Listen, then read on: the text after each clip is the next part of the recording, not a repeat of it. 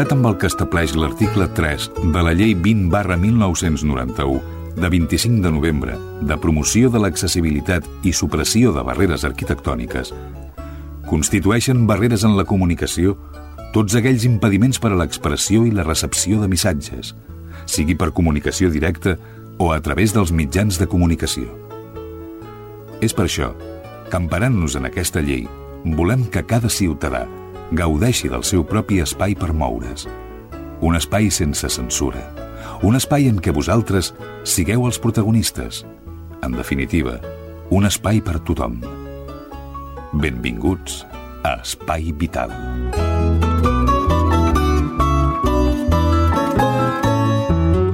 Senyores, senyors, què tal? Com estan? Benvinguts. Estem ja a les acaballes del desembre ja mateix. Serà el Nadal. I quina festa més maca el Nadal. Teresa, què tal? Bon dia. Bon dia a tothom. Com estàs? Bé, mira, d'aquella manera, però bé. Com sempre, la Com Teresa... sempre. la Teresa bé, com sempre. Sí. Dic que ve el Nadal. Sí, sí, i que tothom se'n recordi que té família gran que es tingui en companyia. Doncs sí, senyor. Sobretot, perquè la gent gran, jo ja em consento gran, però n'hi ha de més gran que jo Mm. I trobo que són dies que necessiten companyia. No s'oblidin de les persones grans que tenen al seu costat, perquè encara que siguin dies de festa, hi ha persones que no viuen tant la festa perquè no poden. No Eh? poden, no, no. Doncs des d'aquí animem a tothom que estigui amb la gent gran, amb els petits, amb tots. Ai, sí, amb els petitons, que fan una gràcia. Jo ara que tinc un net, mare de Déu. Jo no ho puc agafar, cony, perquè amb una mà que tinc i se m'enfila per la cadira, se m'enfila i ja basta que l'agafi jo, coll. Li canto cançons de Nadal i em poso una careta de tant... de- d'allò... Ai, que te'ls menjaria. Oi, Déu meu, el que és una dona i el que és una dona capritxosa com la nostra Teresa diu, senyors, comencem, que se'ns fa tard. Estàs escoltant Espai Vital.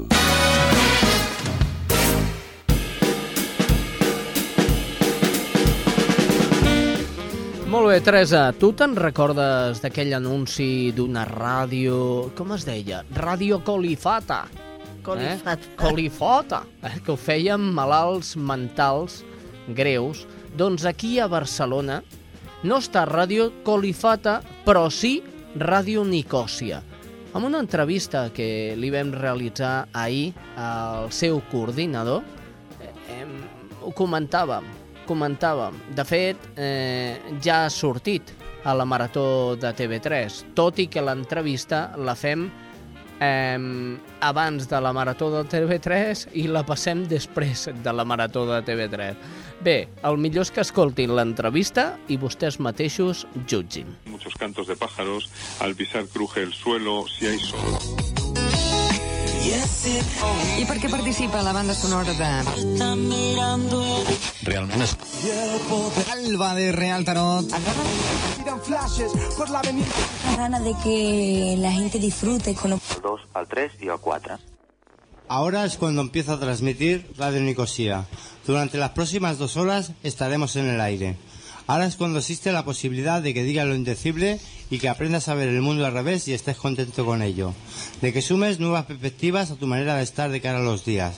Ahora es cuando la locura es un lugar normal y la normalidad vuelve a ser relativa. Ahora es cuando entras en el universo Nicosía. Así empieza, así, precisamente la emisión de la programación en Radio Nicosia.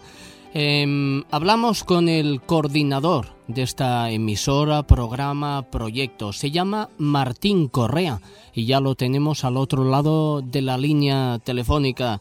Martín, buenos días. Hola, buenos días a todos. Eh, ¿Podemos hablar de radio? ¿Podemos hablar de programa? ¿Podemos hablar de proyecto?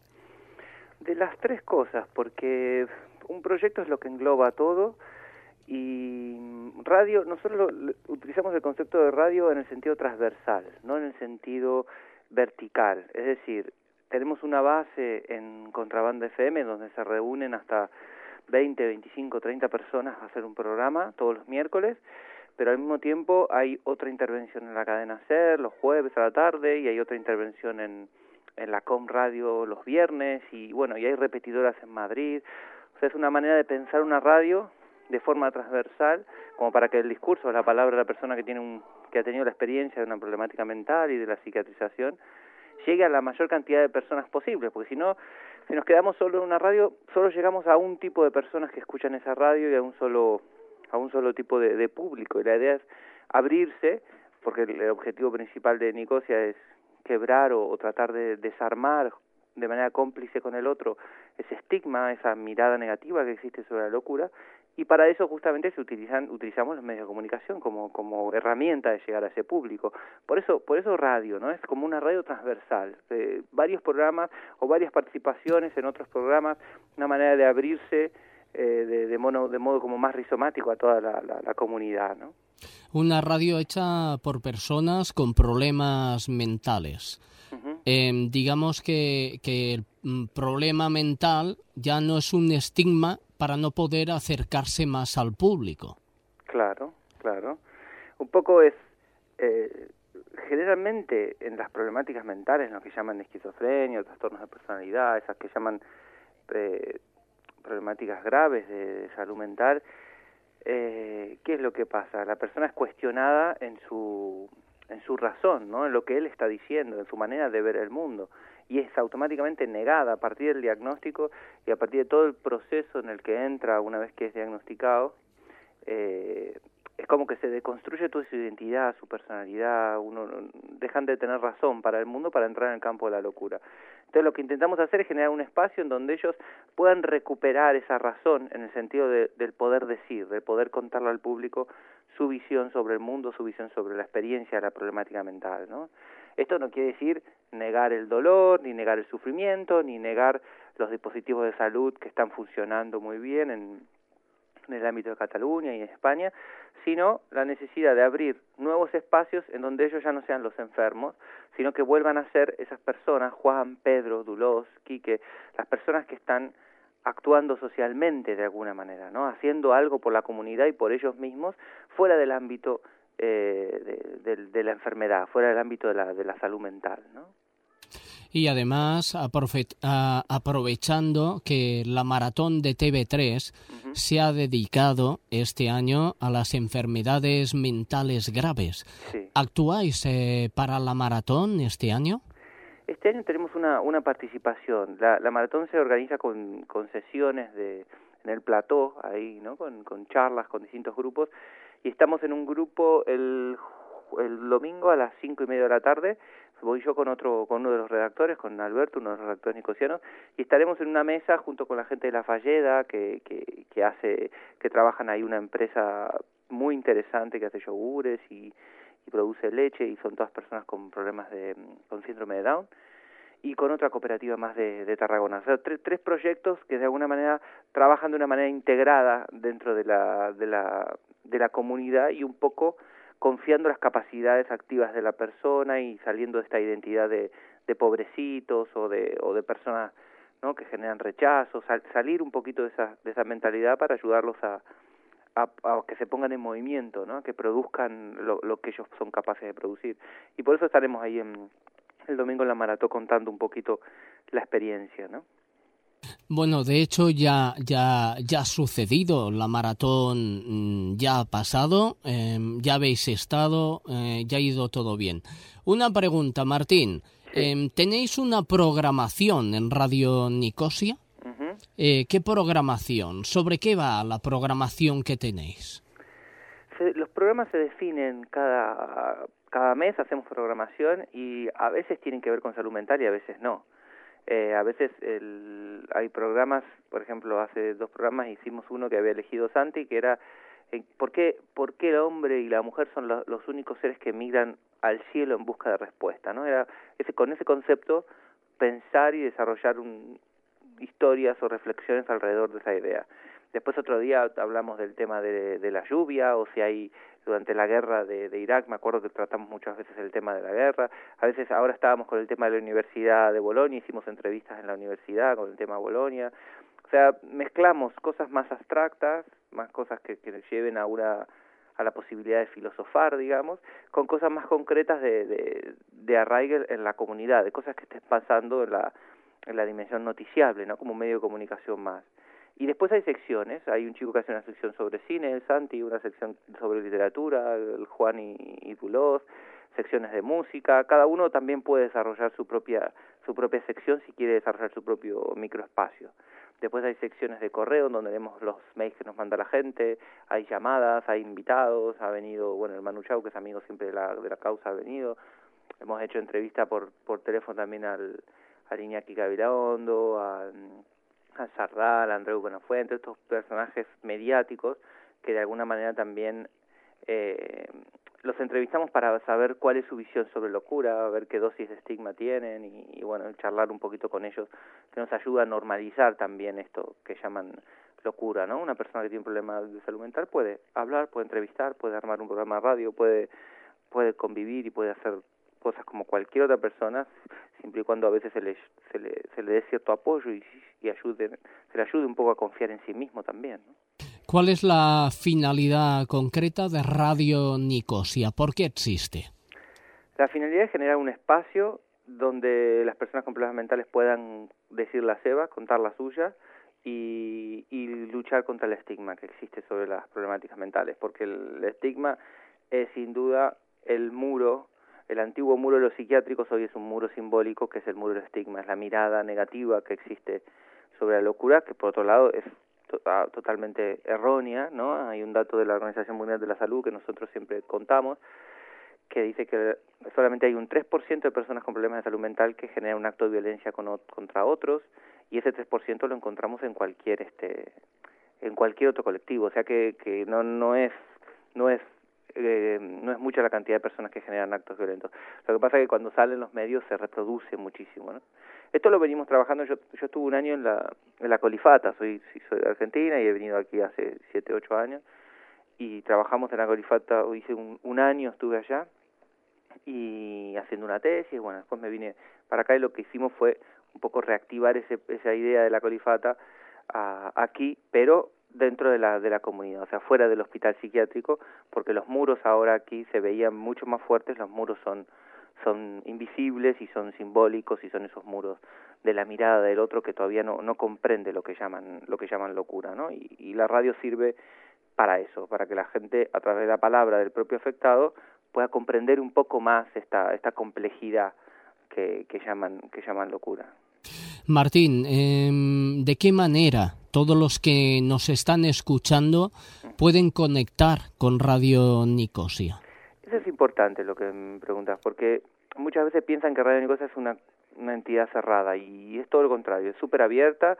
Si hay personas que tienen problemas mentales o no y se quieren ayudar a acercarse para colaborar, ahora por ejemplo estamos necesitando a alguien que nos ayude a gestionar la nueva asociación Radio Nicosia, un gestor necesitamos, por ejemplo, sería genial que aparezca un gestor solidario porque nos estamos enredando en papeles. Pero cualquiera puede entrar y participar, con, conectarse con nosotros. Hay una web, es www.radionicosia.org.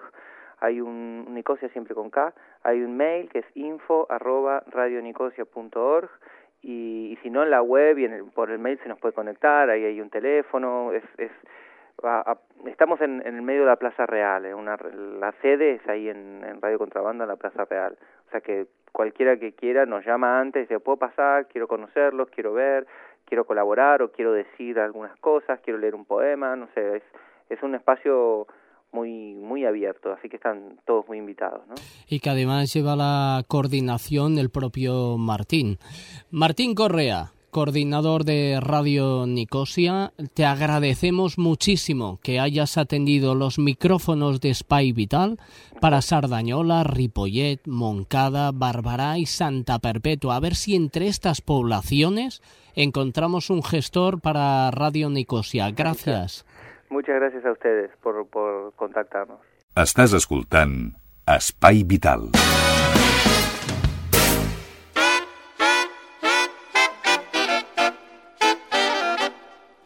Ens acostem a les dates eh, més de Nadal, els dies assenyalats, el 25, 26, el Cap d'Any, els Reis, etc. Eh, qui ho nota més? Els centres mèdics, tant públics com privats. Doncs avui eh, ens n'hem volgut anar cap al centre mèdic eh, Les Moreres de Ripollet. Ells estan de guàrdia tots aquests dies també i un dels responsables d'aquest centre és el metge l'Albert Martínez. Amb Albert Martínez parlem. Bon dia. Bon dia, Xavi, bon dia. Albert Martínez, jo no sé si ho he dit bé o us he donat feina, potser comentant això. És a dir, les urgències que hi pugui haver aquests dies, esteu oberts o s'ha d'anar a un centre públic? No, estem oberts eh, només els, els dies laborables, els festius estem, estem tancats, dissabtes, diumenges també tancats. Per tant, no, que, amb això sí s'ha de dir que els centres públics s'hi mantenen obert cada dia l'assistència i nosaltres només els dies laborables. Eh? Molt bé. Albert Martínez, eh, parlem de les urgències mèdiques per tots aquests dies de festivitat. Com tots sabem, es menja i es veu molt, no? Mm, efectivament, efectivament. A veure, en aquests dies de, de festivitat s'ajunten diverses patologies. D'una banda, estem en una època que les virasis, els quadros gripals, eh, per explicar-me millor, eh, estan, n'hi ha molt, és l'època que sol aparèixer, sol donar la cara a les grips, solen aparèixer, i amb això ja s'ajunten pues, una miqueta pues, els, els accessos que normalment tots cometem una mica en aquests, en aquests dies. No? Aleshores, tens, a més de la patologia respiratòria de la temporada, on que afecta bàsicament pues, a gent gran, tens els quadros digestius que afecten a, a, to a tothom. Eh? A tothom. És la ingesta de torrons. La ingesta de torrons i de tota la resta, perquè són, són dies en què tothom fa pues, molts, molts extras i, i en part és normal i en part ja et dic, jo també ho considero pues, acceptable, que són dies de festa, que són dies de família, que són dies que tenim per costum de fer uns menjars una mica fora del normal o bastant fora del normal i aleshores penso que això doncs, bueno, és entra dintre de la tradició i es pot acceptar. El que passa és que s'hauria de combinar amb un, una dieta més cuidadosa els dies aquests fora de les festes a veure, evidentment, la persona que per una patologia així, així se li recomani té que fer la mateixa dieta que un altre, que un altre dia. Evidentment, parlem d'un diabètic, parlem d'una persona que tingui problemes cardiovasculars, aquesta persona, doncs, alguna petita llicència, però el rest ha de ser bàsicament el mateix que menja de, de normal. Uh, les persones que poden menjar, que poden fer un, els extras que vulguin en principi, doncs, bueno, aquests dies assenyalats, doncs jo sóc partidari de donar-los una mica de llicència dintre d'una moderació. Eh? Però el que sí aconsellem llavors és que fora de festes eh, la casa està plena de, de menjar, hi han, han sobrat coses, hi han torrons, hi han, hi, ha, hi han restes, que llavors estem menjant malament durant 15 dies. Nosaltres, jo, la, la proposta nostra és dir no, els dies exclusivament de festa pots fer una mica d'extra, o molt extra, si vols dir-li així, però els, el resto de dies laborables doncs, intenta menjar doncs, una miqueta per contrarrestar, vull dir, més verdura, més fruita, i després hi ha el tema de l'exercici físic, els dies aquests de festa són dies que estàs tancat a casa, que no vas, vas t'aixeques d'una taula per anar al sofà i després per tornar a la taula, eh, sigui a casa teva, sigui a casa d'amics o familiars. I llavors aquí també és un bon mecanisme intentar eh, acompanyar això d'un passeig, d'una sortida, perquè el cos també, si no, doncs, també nota aquesta inactivitat. Eh? D'acord, Xavi? D'acord, doncs l'Albert Martínez, com a metge de família, mm. ens podria dir ja que aposten més per la medicina preventiva que no pas l'aplicativa, un cop hi hagi una malaltia, no? Evidentment evidentment, sempre, sempre és millor que diuen prevenir que curar, doncs, evidentment és, és així, i cada vegada la sanitat va cap, a, cap aquí, eh? i jo crec que, crec que amb bastant, amb bastant èxit. El que passa és que necessitem doncs, això, la mentalització de tothom i l'ajuda de tothom. Mm? Doncs, doctor, eh, apliquis vostè també aquesta norma, sigui preventiu i que passi bé. vostè unes bones vacances de Nadal. Gràcies ah, i bon dia. Així ho farem, Xavi. Bon dia. Estàs escoltant Espai Vital.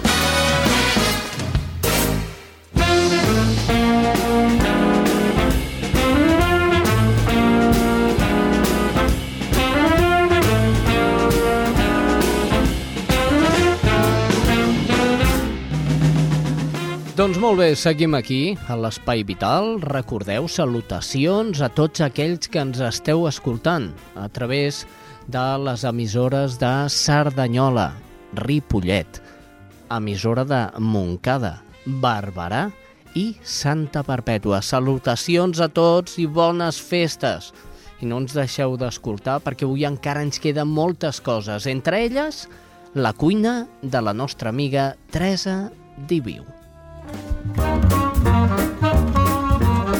I qui diu amiga, diu companya. Teresa, què Hola. ens portes avui Mira, per avui- jalar? A veure. Per jalar, avui us, us repeteixo menjar. Com que he trobat persones al mercat pues, que estan com jo, pues, sempre xerro amb tothom, Mm. i em van demanar que repetís les cues de rap al forn en salsa de gambes. Mira, m'anirà bé perquè Per- no havia pres nota, vull dir que així ja prenc nota. I per les persones, pues, esclar, que no estan gaire bé, pues, també és un menjar pues, extra Mhm. i ja sembla més festa. Molt que bé. pugui menjar, pues, mira, encara que sigui peix al forn, salsa d'aquesta de gambes, ja és una mica més de festa, ja pot menjar.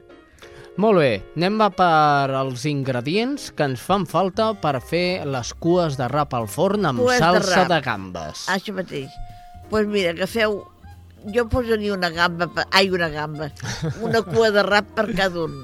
Molt bé, Posem tres gambes per cada un. molt bé.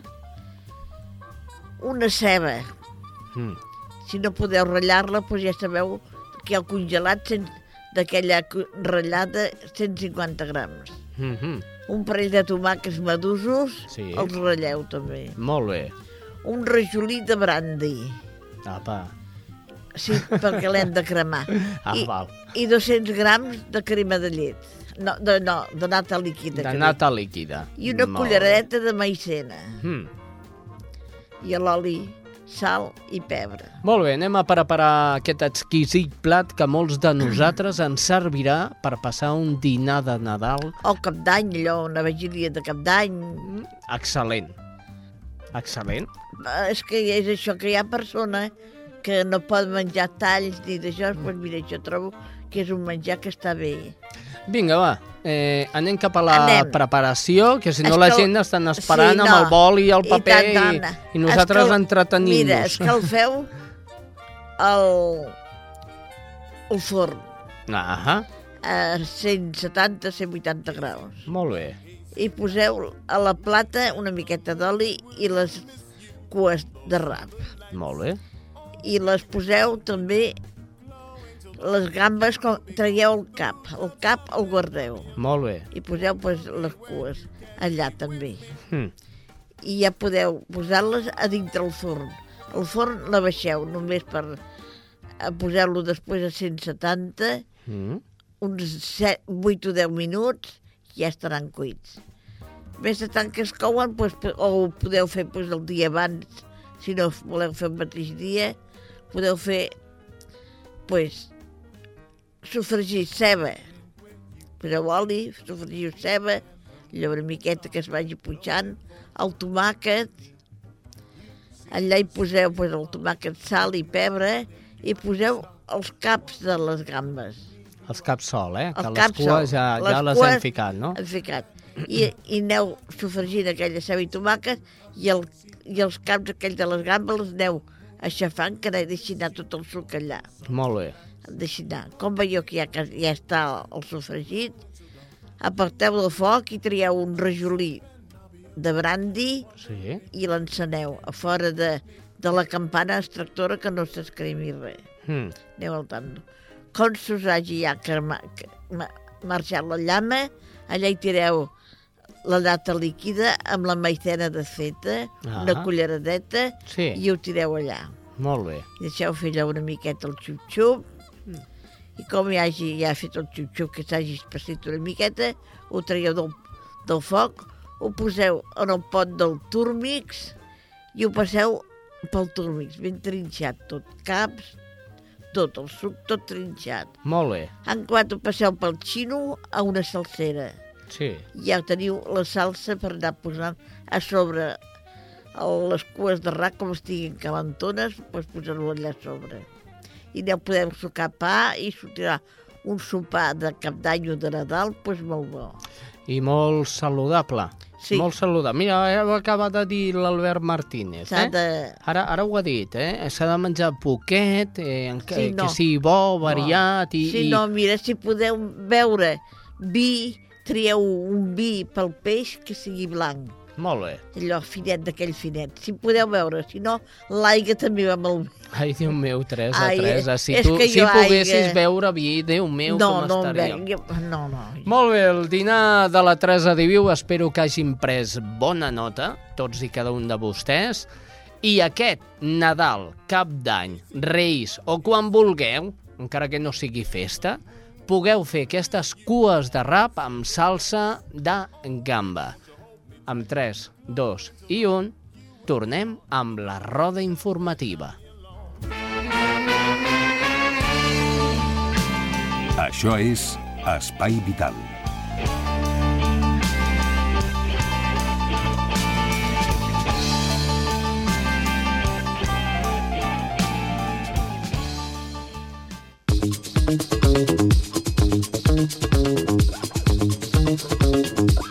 Comencem amb Cerdanyola. Allà es troba la Mònica González i aquests són, eh, és, en aquest cas, la seva crònica, la última d'aquest any. Hola Xavi, des de Cerdanyola Ràdio avui us parlem de la campanya Una nit d'il·lusió per a tothom que es posa en marxa després d'afavorir 265 nens l'any passat. Dins de la campanya organitzada per l'Ajuntament i Creu Roja s'han programat tot un seguit d'activitats encaminades a recaptar joguines o donacions econòmiques amb l'objectiu que cap infant de la ciutat es quedi sense joguines la nit de Reis. La campanya compta amb un seguit d'activitats, com dèiem, de sensibilització perquè la ciutadania participi i doni una joguina nova que no fomenti la violència i sí el joc d'habilitat. La regidora de Promoció Social, Carmen Rebollo, comenta que tot i que la campanya està molt consolidada a la ciutat, enguany han volgut donar-li un nou impuls per recordar l'esperit del projecte. D'altra banda, la cap de promoció social Carme Espunya comenta que durant tot el mes de desembre es poden portar joguines i donacions voluntàries a les guardioles repartides a l'Ateneu, a la Creu Roja, als casals de la gent gran i a les associacions de veïns col·laboradores. També es poden fer arribar a les escoles, instituts, en llars d'infants i escoles bressol, parc esportiu de Guilleres, Passur i el local de dones per la igualtat. Recordem que també col·laboren empreses i entitats de tota mena de la ciutat. Les joguines es repartiran en lots per a les famílies que des dels serveis socials municipals s'hagin seleccionat com a beneficiàries. Les joguines es recolliran fins al proper dia 5 de gener. I això és tot des de Cerdanyola Ràdio. Volíem aprofitar també l'ocasió doncs, per felicitar a tothom aquestes festes nadalenques i us ha parlat Mònica González. Doncs gràcies i també felicitats per tota Cerdanyola Ràdio. Eh, em, tornem, tornem al gener. No, no, no marxeu gaire lluny, que ens fareu falta. Anem cap a Ripollet, ben al costadet de Cerdanyola. Allà es troba la Laia Prats. Escoltem-la. Hola, Xavi. Avui des de Ripollet Ràdio t'expliquem que el passat dijous, 11 de desembre, la Mancomunitat Intermunicipal de Cerdanyola, Ripollet i Montcada, conjuntament amb l'Ajuntament de Barberà del Vallès, van presentar les cinc empreses finalistes per a la redacció del projecte del futur hospital Ernest Lluc, escollides entre les 24 propostes presentades. La tria dels projectes ha estat realitzada per un equip de tècnics dels quatre municipis i ara, segons va declarar l'alcalde de Ripollet i president de torn de la Mancomunitat, Juan Parralejo, el Departament de Salut Pública serà el responsable d'adjudicar la redacció del projecte. Ara, les cinc empreses escollides tenen un termini de 60 dies per presentar els projectes finals perquè posteriorment Salut Pública tria el guanyador. Això es podria produir la propera primavera, tal i com assegura la mateixa Conselleria de Salut Pública. El procés de redacció del projecte executiu de l'hospital està previst que duri entre 9 mesos i un any.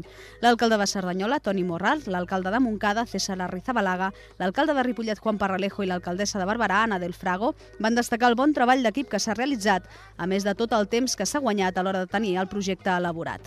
I això és tot, fins la setmana vinent. Fins la setmana vinent, no. Fins d'aquí uns quants dies més. Laia Prat, eh, que passis molt bon Nadal.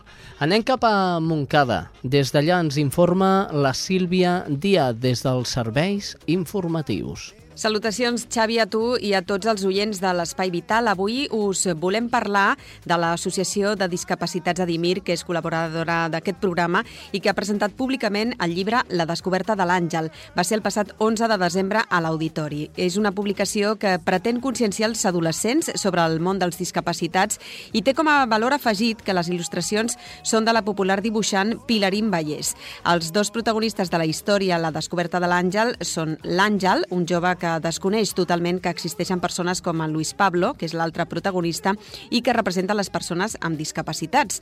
Tots dos es troben de manera casual i mentre el Luis Pablo es mostra molt receptiu, l'Àngel triga a donar-se que ha descobert un nou amic molt especial. Es tracta d'una història divertida, adaptada al públic juvenil, que Adimir repartirà entre els instituts de secundària de Montcada i Reixac.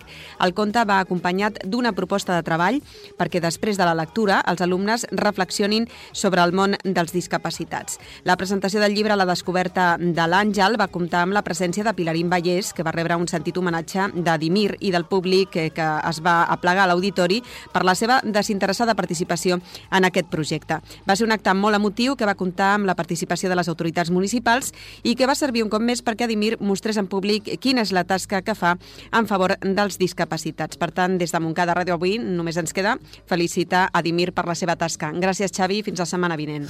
Molt bé, i des de l'Espai Vital felicitar-vos a tots vosaltres també, que passeu bones festes. Eh, reflexió. Eh, com jo deia, quan era més petit, me arreculo de lo que he dicho. No era Silvia Díaz, sinó que era Pilar Avian. Ara és el moment de Barberà. Allà es troba la Núria Cabrera. Hola Xavi i una salutació també a tots els oients de l'Espai Vital. Des de Barberà us expliquem com s'han implicat el teixit associatiu local amb la Marató de TV3. I és que recordem que enguany la Marató està dedicada a les malalties mentals greus, entre elles l'esquizofrènia, la depressió greu i el trastorn bipolar, així com l'ansietat i el trastorn obsessivo-compulsiu, juntament amb el trastorn per dèficit d'atenció i hiperactivitat, l'autisme i el trastorn límit de la personalitat. El fons que recollin en aquesta edició es destinaran al finançament de projectes d'investigació biomèdica d'excel·lència sobre malalties mentals greus. La selecció dels projectes es farà a partir d'una convocatòria pública que la Fundació obrirà el mes de febrer del 2009.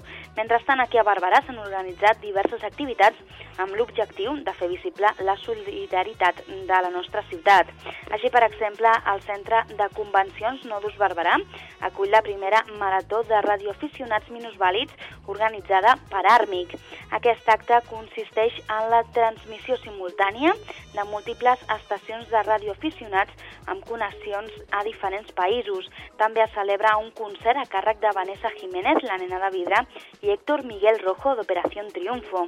Les entitats esportives també participen amb altres activitats. Per exemple, l'Escola de Futbol Barberà Andalucía, també el Deportivo Jordán, que organitza un campionat internacional de taekwondo, o la Unió Esportiva Barberà de Bàsquet, que realitza també la trobada d'escoles de bàsquet de la comarca. D'altra banda, la Fundació Barberà Promoció ha posat a la venda les postals finalistes del sisè concurs del Punt Òmnia.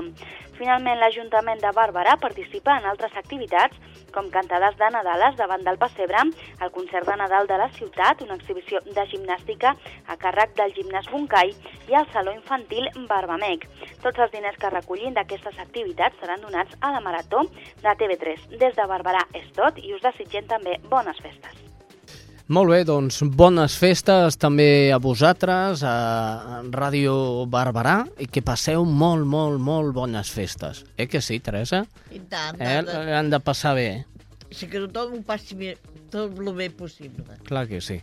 I Ens que no es passin amb el menjar ni amb el beure. No, que ja ho ha dit l'Albert sí. Martínez. Mm, ens queda una crònica.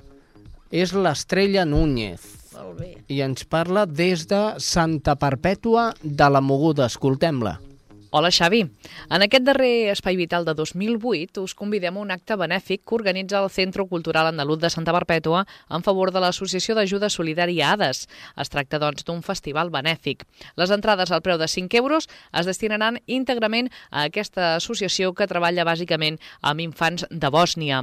La festa tindrà lloc el dissabte 22 de desembre a partir de les 6 de la tarda al pavelló municipal d'esports. Els grups Guadaljarafe, la Madre del Topo, el tenor de l'orquestra La Principal Festival de la Bisbal Roger Reyes i el campió d'Espanya de Valls de Saló, Pol Chamorro, encapçalen un programa en el que participaran també els, quatre de, els quadres de ball de l'entitat Azabache, Amaneceres, Embrujo i Hechizo. L'Escola de Sevillanes de Manuel Belmonte, que compta amb un centenar d'alumnes, farà una exhibició. El festival també oferirà l'actuació de dos transformistes i del cantant Dani Ramírez. Al llarg del festival aniran actuant la Jove Orquestra de Santa Barpètua i altres entitats de la localitat, com el grup de Ball de Gitanes, l'Associació de la Dansa del Ventre, Amics del Ball, el Compàs i els grups de hip-hop de la promotora, de breakdance de Cantalló, de soul dance de l'Escola Sagrada Família i el grup també d'Aerodiver del Pavelló d'Esports. També té programada l'actuació el grup Zambra, Paco Garfia i els seus alumnes del Mundo Flamenco i s'ha convidat al Centro Cultural Andaluz Virgen de Gràcia, la Casa de Granada de Bàrbara i Casa d'Andalucía de la Llagosta i també la de Martorelles. Els presentadors de la gala seran Congi Morales i la col·laboració també del company d'aquesta casa, Andrés Aracil. Aquesta serà la cinquena edició del Festival Solidari del Centro Cultural Andaluz. En les ocasions anteriors, les entitats beneficiades van ser Creu Roja, dins de la seva campanya de recollida de joguines, Càritas i la Junta Local de l'Associació de Lluita contra el Càncer i l'Associació de Disminuïts de Santa Perpètua. Doncs amb aquest to festiu ens acomiadem des de Santa Perpètua fins l'any vinent. Bona entrada d'any a tots els oients, a tot l'equip de l'Espai Vital i especialment a tu, Xavi. Doncs eh, moltíssimes gràcies. M'ha agafat una mica outsat, eh? Ara, Aquesta noia m'ha sí. agafat així. Ai, perquè ai. ara t'ho dic que bon Nadal, veus? Clar que sí, que maca és l'estrella, eh? Sí que, que maca és l'estrella. També per tu, estrella, i per tot l'equip de, de, tot. de, de la ràdio, de Santa Perpètua. Molt bé, jo sé que tens algun projecte mmm, que tampoc ve al cas comentar-lo i des d'aquí també, i com a Xavi, et desitjo moltíssima sort amb aquest nou projecte. Molt bé, doncs arribat a aquest punt és l'hora de parlar de solidaritat. Ja feia dies el Xavi Roldan no parlava. Ara l'hem apretat i li hem fet parlar. Anem amb solidaritat. Hola, Xavi Casas. Bueno, el programa de hoy eh, va a ser un poco especial, o este espacio dedicado a solidaridad. ¿Y sabes por qué? Porque estoy un poco indignado. Eh, se celebran ahora los, eh, en estos días, los 60 años, el 60 aniversario de la Declaración Universal de los Derechos Humanos, que al igual que la Declaración Universal de los Niños y la Declaración Universal de lo que sea, eh, tienden siempre al fracaso porque, como tú muy bien saben y nuestros oyentes de Spy Vital, casi nunca se cumple. Y tú me preguntarás que a qué viene, o, los oyentes se preguntarán a qué viene el tema este de la Declaración Universal de los Derechos Humanos. Bueno, Naciones Unidas tiene, tiene cosas, tiene dentro de, las propias, de la propia Naciones Unidas, tiene cosas o otras organizaciones como la FAO que hace nada, eh, escasos días ha presentado el proyecto sobre cómo está el hambre en el mundo. Eh, por una parte, nos sentimos deprimidos porque, primero, los ayuntamientos, los estados, las naciones, este año eh, o para el año 2009 van a dedicar muchísimo menos a lo que son ONGs, ayudar al tercer mundo, eh, ayudar a los desvalidos en cualquier sentido de la vida. y, claro, si este año, ya en 2008, hay 40.000 personas, 40.000 seres humanos que están padeciendo hambre más que en el 2007, ¿qué pasará eh, a final de 2009? Entonces, claro, eh, hay 40.000, he dicho 40.000, son 40 millones más, me he equivocado en la cifra, eh, de desnutridos más que en el 2007. Bueno, entonces la FAO, que presenta este informe anual, se hace una pregunta que para mí ha sido importante. ¿Cuál es la prioridad en esta sociedad y entre todas las naciones y en el mundo? ¿Cuál es la prioridad? La prioridad es salvar a los bancos que quizá nos estén cobrando eh, cuotas excesivas por las tarjetas, por nuestros ahorros, que están manejando nuestro dinero para no sabemos qué y que han fracasado y que los gobiernos inyectan cantidades astronómicas para salvarlos, o la prioridad es poner de esas inyecciones eh, que supuestamente ponen todas las naciones para salvar a sus bancos, la prioridad no sería casi mejor que fueran 30.000 millones para paliar el hambre en el mundo, que es lo que según la FAO se necesita. Bueno, eh, todo este objetivo de la FAO que se acabaría teóricamente en el 2015 y que y que la prioridad para ellos era eliminar la desnutrición y la, y la pobreza extrema a la mitad, va a tener que esperar quizá 15 años, 20 años, 50 años más. Entonces nosotros volvemos a hacer la misma pregunta, no solamente a ti como conductor del programa, sino a todos los oyentes. ¿Cuál es la prioridad en esta sociedad y en este mundo? ¿Inyectar a los bancos o por muchísimo menos dinero, porque la inyección ha sido tan enorme, por muchísimo menos dinero, por esos 30.000 millones, inyectarlos al hambre, al hambre en el mundo y eh, acabar con ella de una vez y que más o menos todos los seres humanos nos sintamos iguales. Perdonad esta depresión, pero bueno, es una depresión ni posparto ni anteparto, es una depresión casi casi diaria en vista de las circunstancias y de las crisis. A pesar de todo, me despido con, eh, con una frase de un amigo mío que siempre bueno, tiene un poco de genio a la hora de, de describir las cosas. A las crisis puñalas pero yo ahora me pregunto qué vamos a hacer con el hambre y con los que pasan hambre. Saludos cordiales. La semana que viene quizá sí que lo escriba y que lo haga desde otra perspectiva mucho más seria. Esta no es que no haya sido seria, sino simplemente que no he tenido eh, la paciencia de escribir lo mal que se está llevando el mundo y la forma en que se está llevando el mundo. Saludos cordiales a todos los amigos de Spy Vital y a ti, Xavi.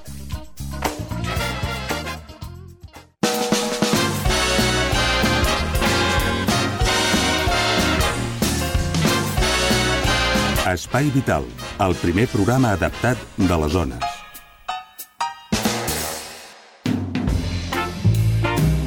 Saben vostès quin dia és? Quin dia nacional és el dia 18 de desembre? Tu ho saps, no, Teresa? No, em sembla que m'has dit. El 18. El, uh, comprovem-ho, comprovem-ho. Ah. Núria Fuster, bon dia. Bon dia. Hola, la Núria Fuster és la encarregada la responsable de comunicació i sensibilització de la Fundació Esclerosi Múltiple, la FEM. Núria, el 16 o el 18? El 18, el 18. Ho veus, Teresa? bueno, pel primer m'havies dit 16. Jo jo no t'havia dit res, no diguis tonteria. Ah, ja està, ens Ara hem desbarallat. tonta, Ara ens hem desbarallat aquí. No, no. Teresa, jo crec que te- t'enganya, eh? Crec que t'enganya. Oh, Sí, sí que m'enganya, sí.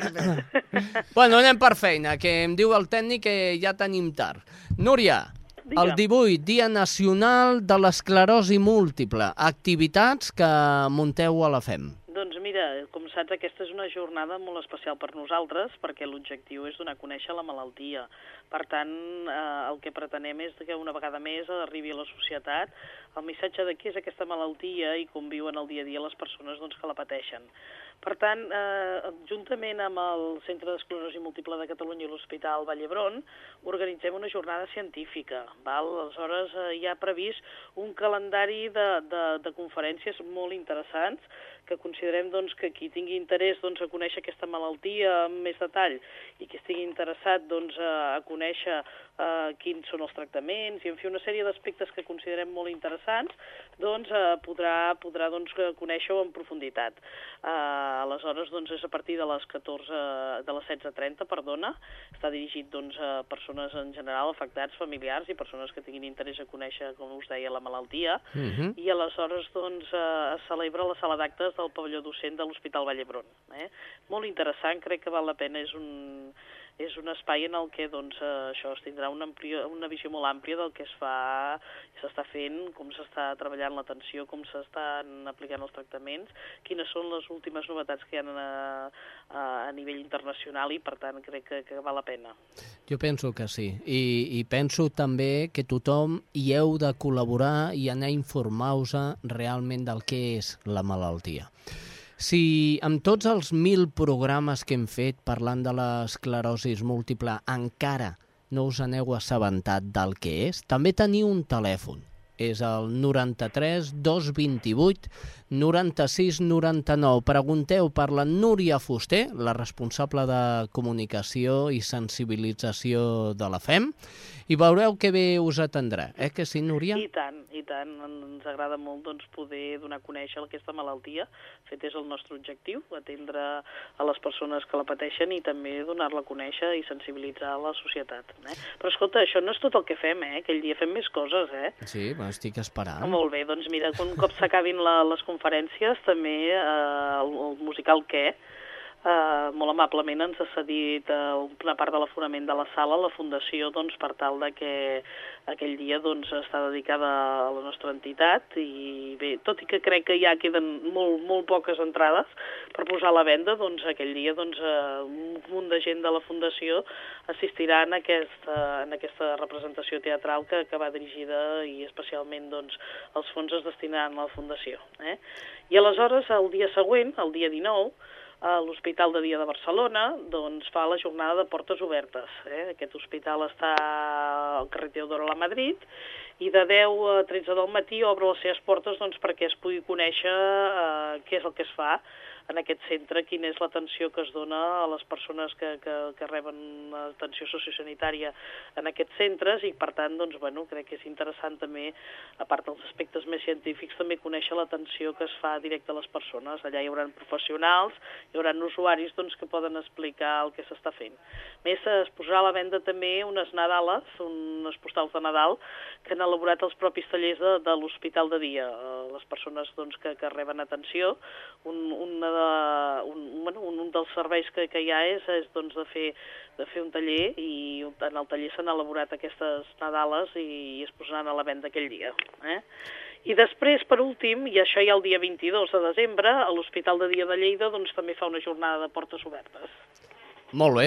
Com pots veure, eh, bueno, és una, és una data molt especial per la nostra entitat, eh, és el Dia Nacional de l'Esclerosi Múltiple, intentem doncs, fer activitats diverses. És, a, és el vostre dia.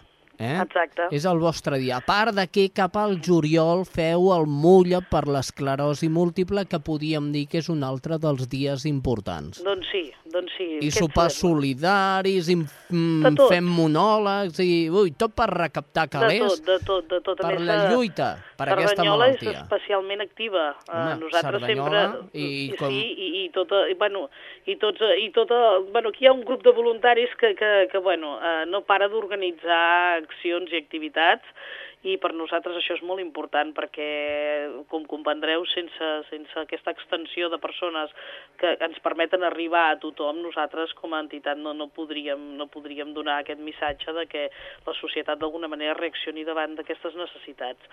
El Mollet és un exemple més, no?, de que cada poble, poblet, jo sempre a vegades dic, dic quasi bé, és un acte més dels pobles que no pas de la pròpia fundació, no?, mm -hmm. que aquell dia es mobilitza, organitza coses, eh, eh, intenta, doncs, eh, bé, arribar a tots els sectors de la societat amb aquest missatge i per això nosaltres és molt satisfactori, a part de que ens dona uns recursos que, amb els quals doncs, podem generar serveis, podem sensibilitzar directament a les persones gràcies a, a aquests voluntaris que ens cedeixen el seu temps. Doncs molt bé, Núria. Eh, ho hem de deixar aquí, no tenim temps per més. Gràcies. Em fa una mica de llàstima, eh? sempre m'agrada molt parlar amb vosaltres. Oh, ja ho sé, ja, però el temps a la ràdio, el temps a la ràdio és molt car. Ja ho sé, ja ho sé. Eh? Ja t'ho dic jo, que la Teresa la tinc pagant aquí, dia sí, dia sí, també. Sí. no l'allibero. Molt bé. Escolta, us vull agrair doncs, que, que ens feu de, de, bueno, de portaveus de, també de la lluita contra l'esclerosi múltiple. Tu saps que som així. Gràcies, Gràcies i bon dia. A vosaltres.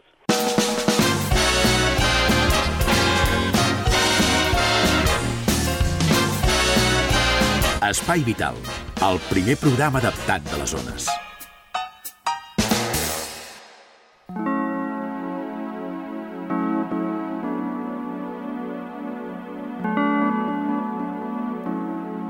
Bé, ja estem, ja estem. Ja. Teresa, ja, ja està. Ja ens hem despedit? Ja, ja ha acabat l'any.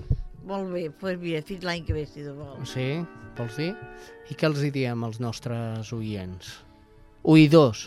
Oïdors, perquè sobretot que pel gener ens comencin a escoltar altra vegada. Eh? Clar que sí. Però ja no donaré tanta cosa de Tiberi, ja ho donaré més verdureta. Molt bé. I més coses de... econòmiques, eh? perquè tal com ens dirà presentant la cosa, ens sembla que ens haurem de camisa. No està la cosa molt per tirar coets, eh? No, no. Molt bé, doncs, Teresa Diu, el nostre amic, el xiquitín, l'Alfredo Ángel Cano Toledo, al qui li demanem disculpes perquè ens havia gravat eh, tres notícies del cercador i no hem pogut col·locar-les. Eh, el nostre tècnic, Jordi Puy, un dia més gràcies i fins l'any vinent. I en nom de tots ells m'acomiado jo. Ens veurem a partir del dia 12 de gener. Sí, Molt no? Bé. Més o menys. Sí, no, si fa no fot, cap al gener, cap al 12. Senyors, que passin molt bon Nadal, que passin bones festes, i a disfrutar-les, que I per tant. això són. Eh? Adeu. Adéu-siau.